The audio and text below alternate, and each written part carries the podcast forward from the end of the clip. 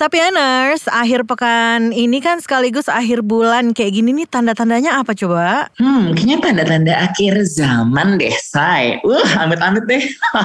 Tanda-tandanya itu mau gajian dan kita harus siap-siap belanja-belanja Besti. Meskipun yang ya dikit lah ya yang kebeli tapi minimal ngurangin wishlist gitu loh. Namanya kebutuhan sama kepengenan tuh nggak bisa diturutin, Bun. Mesti ada aja gitu pasti ya. Apalagi tuh dimudahkan dengan platform belanja online yang racun banget gak sih?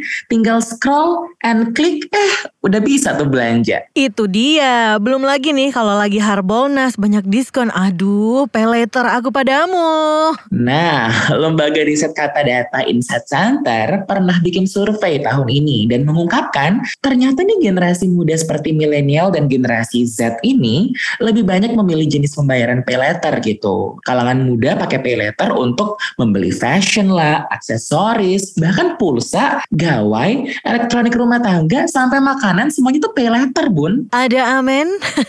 eh, tapi lu pernah gak sih Bun nyoba puasa belanja gitu sehari aja gitu. Kalau gua kayaknya susah deh. Minimal banget nih, jajan gorengan lah, apa beli es boba gitu, agak mustahil kayaknya. Kalau puasa belanja kebetulan waktu itu emang gak ada dananya ya.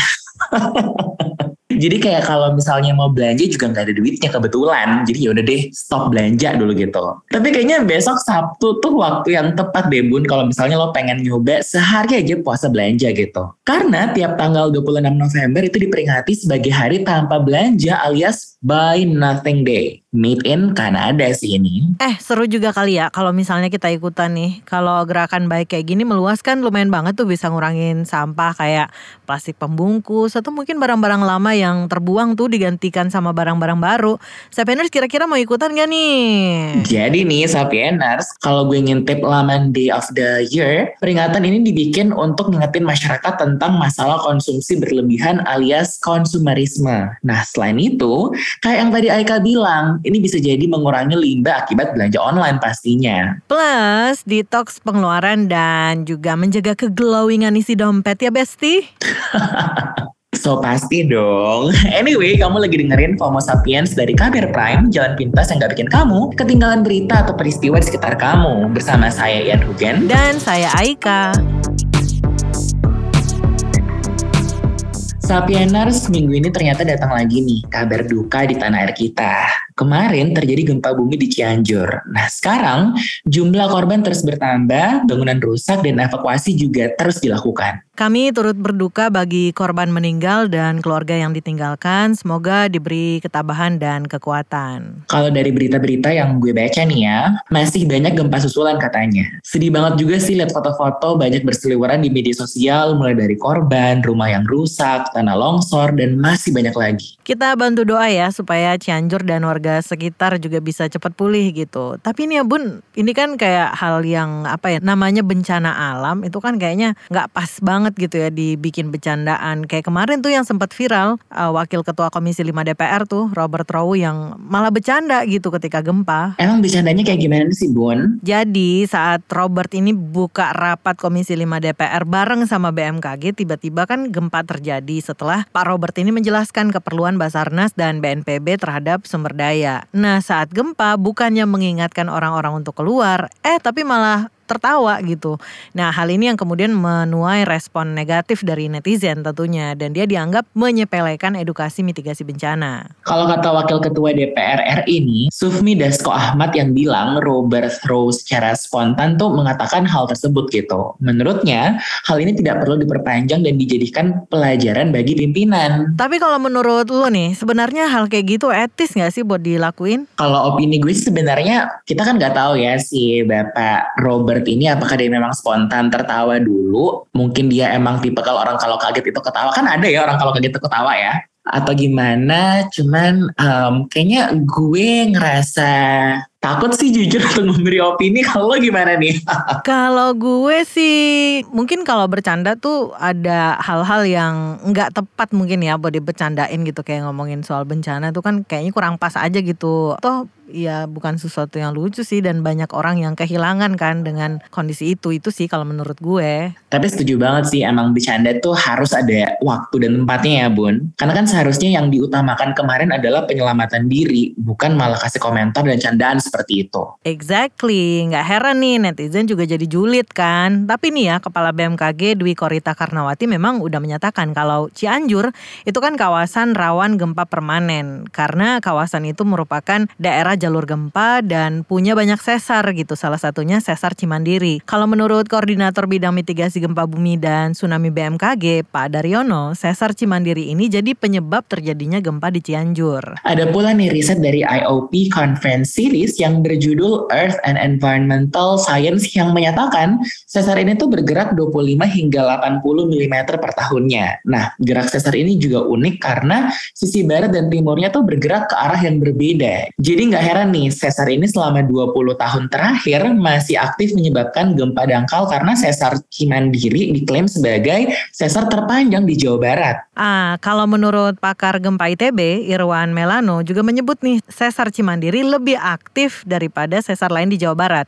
Ini karena patahan ini berasal dari zona subduksi pertemuan lempeng Eurasia dan Indo-Australia. Nah, karena sesar ini juga lama, jangkauan sesar Cimandiri ini juga cukup luas, mulai dari Pelabuhan Ratu, Sukabumi, Cianjur, sampai ke Padalarang di Bandung Barat. Nah, itu kalau dari riset yang dilakukan Irwan, sesar Lembang itu sedikit gempanya, sedangkan kalau sesar Cimandiri sangat sering untuk tingkat aktivitas jumlah kegempaannya. Berarti sesar Cimandiri ini yang jadi penyebab sampai sekarang gempa terus terjadi ya, Bon. Tapi kalau kita lihat nih ya, korbannya kan terus-menerus bertambah juga. Sayangnya, edukasi mitigasi bencana masyarakat tuh masih minim banget gitu, terutama bencana gempa bumi. Pengamat kebijakan publik Trubus Rahadiansyah juga bilang kalau jumlah infrastruktur masih sangat minim. Bahkan alat deteksi dini bencana juga hilang dicuri orang yang tidak bertanggung jawab gitu. Selain itu, peran pemerintah daerah dalam penanganan bencana juga aduh kurang banget gitu. Nah, tapi sebenarnya banyak hal dasar nih yang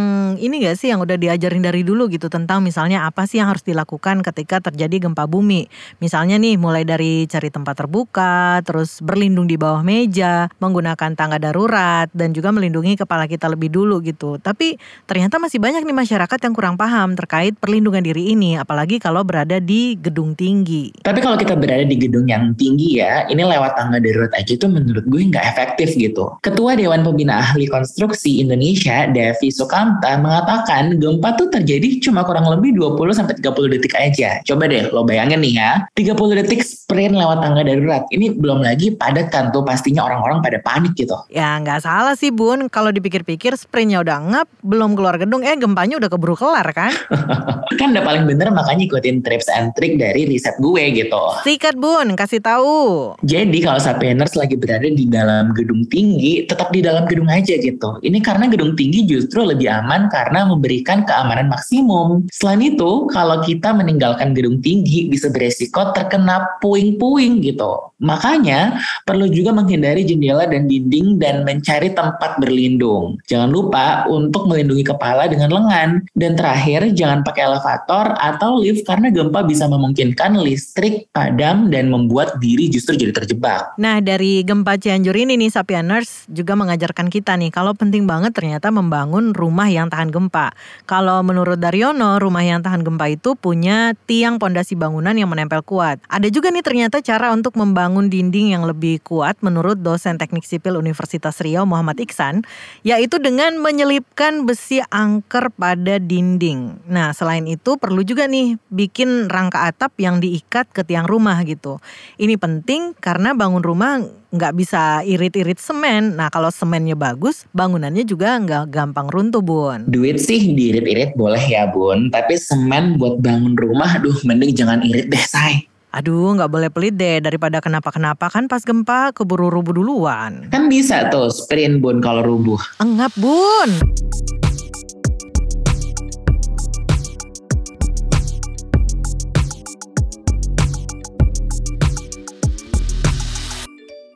Bun, Bun, di seberang sana pada demam nggak? Gara-gara COVID maksudnya, Bun. Duh, ini kadang gejalanya nggak pakai demam gak sih hari ini? Emang nggak masih ada ya COVID-19? Wah, ini disinformasi nih kayaknya. Masih ada lah bun pastinya. Belum ada kan so far pernyataan yang nyebutin kalau pandemi ini udah berakhir. Lah kan Qatar udah melonggarkan aturan soal COVID-19 tuh. Penggemar sepak bola yang bakal nonton pertandingan juga nggak perlu lagi tuh vaksinasi dan nggak diharuskan menunjukkan hasil PCR negatif COVID atau pakai rapid antigen test gitu. Masker juga udah nggak diwajibkan kan di transportasi umum. Terus juga delapan stadion penyelenggaraan pertandingan Piala Dunia. Duh ini tapi kita bola banget nih bahasannya sayang. lah ya emang demam piala dunia yang gue maksud tadi demam bola. I see tapi nggak tahu ya kan gue udah dua mingguan di Aussie. So far sih hmm, vibes piala dunia tuh belum begitu terasa ya di sini gitu. Justru selama gue di Indo kemarin-kemarin tuh euforianya lebih hangat gitu. Tapi by the way emang lo demen bola nih Bun? Hmm, tentu dong, tentu setengah-setengah ya kan kita anaknya FOMO, Bun. eh tapi ya karena gue kan anaknya sih paling musik nih. Nah, Piala Dunia tahun ini kan punya banyak soundtrack ya, Bun. Biasanya kan cuma satu tuh. Nah, tahun 2022 ini soundtracknya tuh lumayan banyak ya kayaknya. Gue sih cuma taunya yang Nicki Minaj, Maluma, dan Miriam Fares doang sih. Tuko Taka. April kemarin kan ada tuh lagu Haya Haya gitu ya, yang agak-agak R&B campur reggae gitu deh pokoknya. Yang bawain tuh Trinidad Cardona, Davido dan Aisyah gitu. Terus ada lagu lainnya itu um, apa ya judulnya tuh Arbo yang dibawain sama Azuna dan seorang rapper Prancis. Nah Arbo itu katanya bahasa slang di Qatar yang artinya welcome alias selamat datang. Ya asalnya dari bahasa Arab, marhaba. Ah ternyata cukup beragam ya bun lagu-lagunya ya bahasanya juga nih dari Arab, Latin sampai Prancis gitu.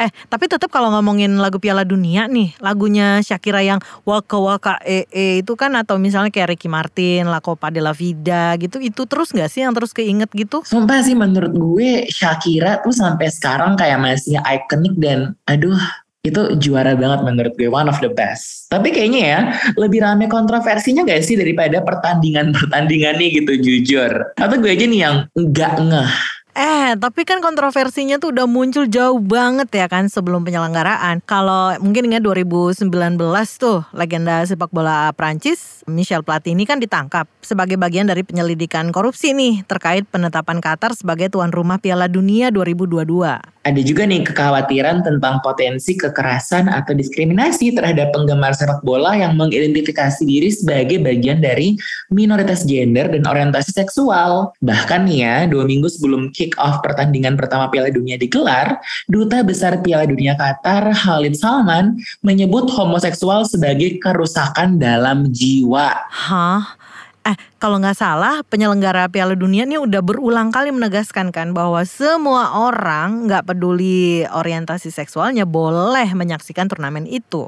Exactly, tapi sayangnya pas tim nasional dari beberapa negara Eropa yang berkompetisi Piala Dunia 2022 ini sempat berencana tuh kan mengenakan armband dengan logo One Love untuk mendukung hak hak LGBT selama turnamen. Tapi nggak jadi nih Bun, karena mendapat peringatan dari FIFA bahwa mereka bisa dihukum. FYI ini, Sapieners, LGBT dan seks di luar pernikahan dianggap sebagai sebuah kejahatan kalau menurut aturan Qatar ya yang bahkan diancam hukuman pidana gitu. Aduh amit-amit ya. Mudah-mudahan ini nggak kejadian deh di negara kita. Hmm, RKUHP. Mm -hmm. gue suka banget sih sama slip-slipan lo, say. Tapi ini sampai mantan pemain timnas Inggris, David Beckham juga jadi sasaran kritik lantaran bersedia jadi duta Piala Dunia 2022 di Qatar. Alasannya ya karena Qatar dinilai sebagai negara yang homofobik, rasis, dan intimidatif. Ya gimana ya, kalau personally sih gue melihat ya pada akhirnya mungkin Qatar punya aturannya sendiri gitu ya yang ya udah itu kulturnya mereka dan aturannya sendiri di negara itu tapi tuh pada akhirnya dia jadi um, dia yang disetujui jadi tuan rumah Piala Dunia kita mengepe gitu. Ya nggak tahu deh mungkin nanti akan ada kontroversial juga ketika Indonesia yang jadi tuan rumah mungkin. Who knows ya kan? Kalau menurut lo gimana? Hmm, sebagai part of the community LGBT apalagi yang dari dulu mungkin pas kecil ya begitu feminin gitu emang gue selalu ngerasa bola tuh apa ya maskulinitas sih kuat banget ya nggak sih Jadi sebenarnya gue turut bangga sih sama beberapa tim yang at least ada upaya lah untuk menyuarakan hak-hak LGBT gitu loh biar semua orang tuh bisa turut merayakan dan menselebrasi Piala Dunia ini gitu. Cuman ya kalau misalnya ada aturan-aturan demikian, ya menurut gue ya sayang aja sih gitu. Oh iya nih, ada kontroversi lain juga kan yang bikin gemas para penggemar bola yang nonton nih adalah soal larangan bir. Nah nonton bola tanpa bir tuh kayaknya kayak ada yang kurang lengkap nggak sih? Mungkin kali ini harus coba banyakin minum air ya bun ya, air putih gitu biar sehat. kan di sono gurun beb, air mah jarang ada. Lagian kandungan utama bir kan air juga. Ya kali ini uh, ya bener lagi Sapieners kebetulan. Tapi anyway, larangan penjualan bir itu muncul dua hari sebelum pembukaan. Tapi nih ya larangannya tuh sebatas penjualan minuman beralkohol di semua stadion aja. Hmm, agak aneh sih sebenarnya. Kan Budweiser salah satu sponsor utama Piala Dunia itu kan punya hak eksklusif untuk melakukan penjualan produk birnya di sekitar stadion, yaitu pada tiga jam sebelum dan satu jam setelah tiap pertandingan gitu. Eh, terus direvisi Budweiser tetap diizinkan menjual bir beralkohol di zona FIFA Fan Fest di eh, pusat kota Doha gitu. Nah penjualan juga bisa dilakukan di tempat hiburan yang sudah ditentukan. Tapi menurut gue hipokrit gak sih Bun? Ini kan gue rasa nih ya kalau ada sponsor gede yang support LGBT, IQ+, dan pengen masang bendera pelangi gede-gede gitu misalnya. Ini bisa jadi diizinkan kan? bisa jadi. Nah media-media di luaran sana kan juga melaporkan tuh perkara perlakuan yang nggak manusiawi ya terhadap ribuan pekerja migran yang membangun infrastruktur untuk Piala Dunia. Laporan CNN menyebut bahwa seorang pekerja migran asal Nepal dengan nama samaran Kamal belum dapat bonus yang udah dijanjiin Bun dan bahkan dijebloskan ke penjara untuk alasan yang gak jelas gitu. Gue baca juga sih soal ini nih The Guardian yang melaporkan tahun lalu bahwa 6.500 pekerja migran Asia Selatan telah meninggal di Qatar sejak negara itu dipastikan menjadi tuan rumah Piala Dunia pada 2010. Nah, sebagian besar tuh terlibat dalam pekerjaan bergaji rendah dan berbahaya yang sering kali dilakukan dalam suhu panas yang aduh yang panas banget gitu. I am all for celebration, sportivitas. Cuman apa yang kayak gitu tuh bisa ditoleransi gitu. Well, I don't think so. Hmm, penggemar sepak bola ini juga dibikin emosi nih pas dengar Qatar berencana mengundang penceramah kontroversial Zakir Naik untuk bicara di Piala Dunia. Doi itu bahkan pernah kan mengharamkan sepak bola profesional terutama Piala Dunia.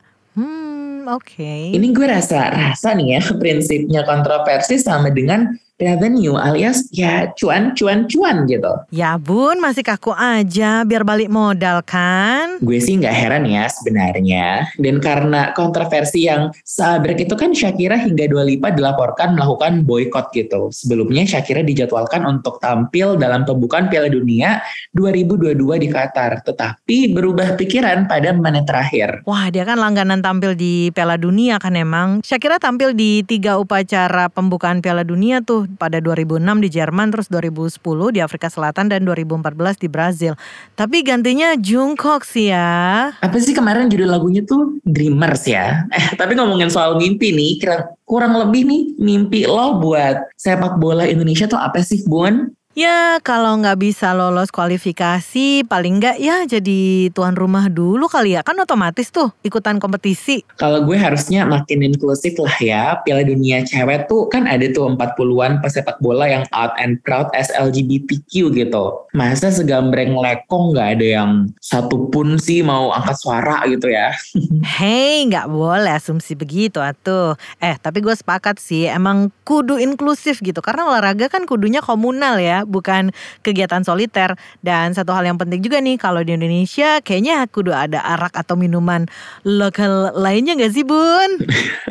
Duh ini kayaknya um, Aika minta direject netizen ya Sapieners. Eh itu kan kearifan lokal produk budaya bangsa loh itu.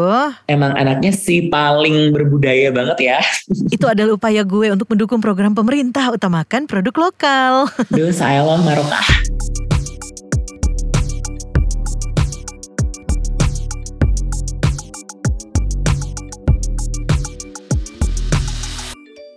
Bun, hmm. ini gue mau nanya pertanyaan yang agak-agak harus di apa ya jawabnya tuh berwibawa gitu ya. Baik. Ala-ala Miss Indonesia gitu.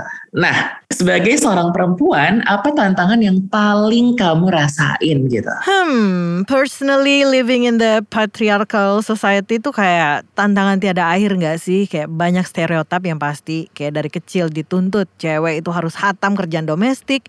Kalau nggak bisa masak ntar dicibirin tante-tante julid. Kalau pulang malam diomongi tetangga sekomplek karena gue dicap perempuan yang nggak bener. Padahal emang gue kerjanya shift siang ya beb ya. Terus belum lagi kalau telat nikah dianggap perawan tua. Gitu-gitu deh. Kalau lu gimana? Uh, mungkin menurut gue lebih ke perempuan itu harus selalu dituntut sempurna gitu. Karena emang ada banyak banget standar ganda dan perspektif yang justru memberatkan perempuan di tengah-tengah masyarakat. Perempuan gak boleh terlalu kurus, misalnya gak boleh terlalu gendut juga, harus rambut panjang, harus ina dan itu. Aduh ribet deh pokoknya. Hei, itu kan baru dari kita ya bun ya. Belum lagi tuh segambreng perkara lain yang dihadapin perempuan. Kayak katakanlah misalnya soal tindakan kekerasan. Meskipun ya memang kekerasan terjadi nggak mengenal gender sih, tapi nggak bisa dipungkiri kan kalau perempuan termasuk kelompok rentan menjadi korban tindak kekerasan gitu.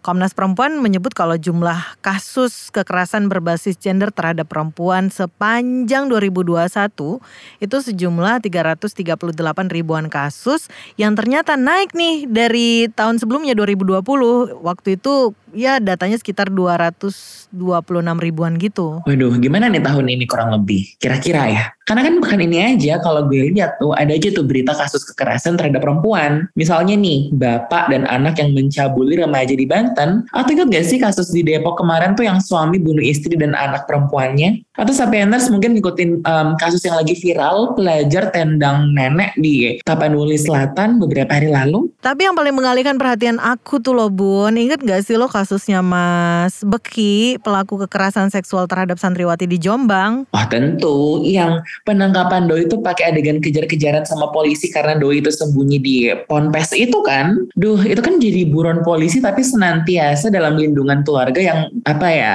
banyak banget gitu pendukungnya. Exactly. Nah, terbaru Mas Beki ini difonis 7 tahun penjara karena dianggap terbukti melakukan tindakan cabul terhadap seorang santriwati. Nah, vonis yang dijatuhkan Kamis pekan lalu itu ternyata bun jauh lebih ringan dari tuntutan jaksa yang menuntut 16 tahun penjara. Oh iya tuh, tapi kan emang keluarga serta pendukung Becky yang hadir di PN Surabaya itu ngamuk ya pasca pembacaan vonis. Istri Becky bahkan mengutuk vonis hakim sebagai tindakan zalim loh. Belum lagi beberapa simpatisan Becky tuh menyerang jurnalis di lokasi sidang serta menghalang-halangi kamera saat merekam keluarga maupun Becky Becky yang diangkut mobil tahanan. Aduh, speechless deh gue.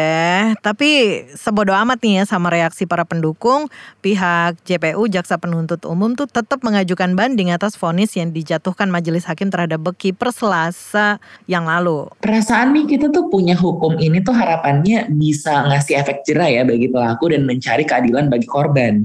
Lah kalau hukumannya malah nggak setimpal terus gimana bisa gitu menekan tingkat kekerasan terhadap korban khususnya perempuan kan. Nah BTW nih Sapieners, hari ini nih 25 November diperingati sebagai Hari Anti Kekerasan Terhadap Perempuan tiap tahunnya. Nah tahukah Anda Sapieners, yang tersayang peringatan itu juga dikenal sebagai Orange Day. Why orange? Jadi kalau menurut UN Women yang menginisiasi Unite Campaign, khusus di tanggal 25 itu adalah hari untuk meningkatkan kesadaran dan mengambil tindakan nih Bun untuk mengakhiri kekerasan terhadap perempuan dan anak perempuan.